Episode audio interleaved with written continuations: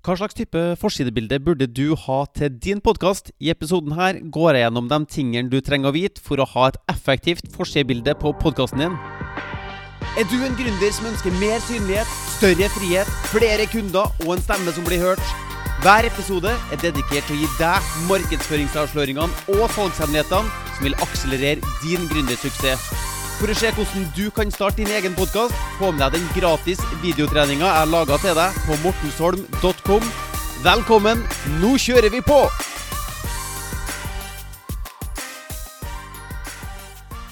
Forsidebildet på podkasten vår er spennende å lage, men dessverre så ser jeg veldig mange nye podkastere bomme litt på hvordan de eh, lager sine forsidebilder.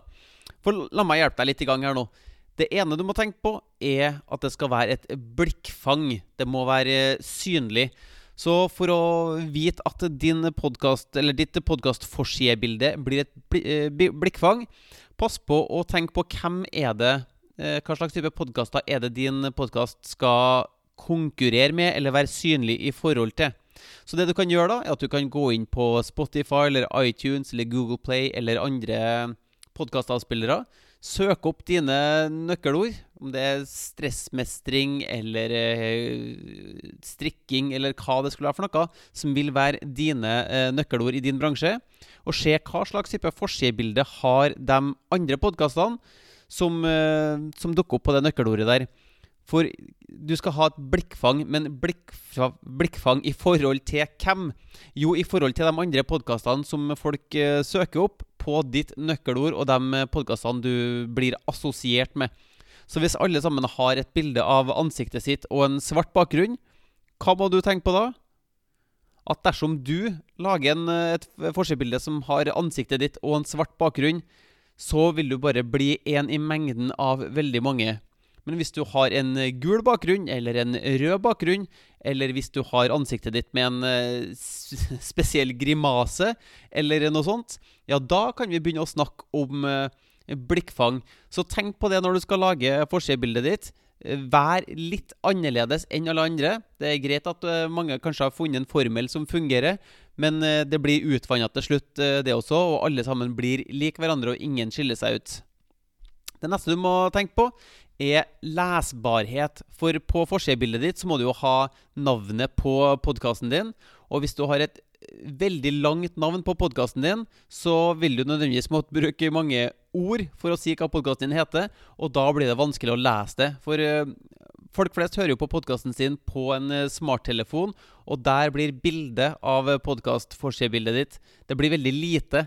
Så hvis du har eh, tolv ord på det bildet der, kjempevanskelig å, å lese. Så prøv å holde deg til fem, maks fem til sju ord, da. Det kan være en fin uh, tommelfingerregel. Ikke overstig sju ord. Helst, helst, langt færre enn sju ord også, for å få um, lesbarheten opp. Og En annen måte å få lesbarheten opp på, er jo å øke skriftstørrelsen. Så når du skal lage forsidebilde, pass på å ikke ha sånn bitte liten skrift som, som du leser veldig enkelt idet du lager forsidebildet ditt, men på en eh, smarttelefon med et bitte lite bilde på, så er det så godt som umulig å lese det, og det vil bare virke forstyrrende. Det vil ikke ha den hensikten som, som du vil ha. Og en annen litt sånn vanlig feil jeg ser, er fargespillet på forsidebildet. Altså Hvis du har gullskrift på en gul bakgrunn, f.eks. Det er vanskelig å lese det, og det er ubehagelig å lese det. Så tenk litt på hva slags farger du, du har inni der også. Det er gul skrift på hvit bakgrunn, f.eks. Det, det er mange gulfarger som er vanskelig å lese. Hvis det er en hvit bakgrunn, så ha et klart uh, forhold til det her. Og så er det jo et uh, fremmedord som heter font. Det er denne skrifttypen vår, ikke sant? Uh, pass på at du ikke har uh, sju forskjellige skrifttyper i sving også. Jeg vet ikke om du husker da vi da, da, Microsoft Office først kom, og vi lærte oss Word-dokument og Powerpoint og sånne ting. Jeg husker skoleframføringene på, da, da, jeg gikk på skolen. Da var det om å ha de kuleste fontene og se den overskrifta der da med skyggelagt og wow, masse kult. Men hvis du har mange forskjellige sånne her type skrifttyper, så blir det bare tull. Det forstyrrer, det irriterer. Det holder jeg til én skrifttype, maks to. Og i hvert fall ikke nummer tre. Så én eller to skrifttyper det er mer enn nok i forhold til å få sagt det du, det du har lyst til å si på, på podkasten din. Så her er i hvert fall noen ting du kan ta med deg når du nå etter hvert skal begynne å lage forsidebilde på din podkast. Sørg for at det blir et blikkfang, og sørg for at det er lesbart det som uh, du skal si på podkasten din. Så gjør en liten sånn uh, markedsundersøkelse. Finn ut uh, hva er det folk allerede gjør i din nisje. Bli inspirert av det, og prøv å skille deg ut. Så jeg håper du fikk verdi av denne podkastepisoden her. Så høres vi i neste episode. Hvis du vil lansere din egen podkast, sørg for å gå til mortensholm.com for å se den gratis videotreninga. Og hvis du vil ha flere episoder som dette, trykk på abonner-knappen, så høres vi i neste episode.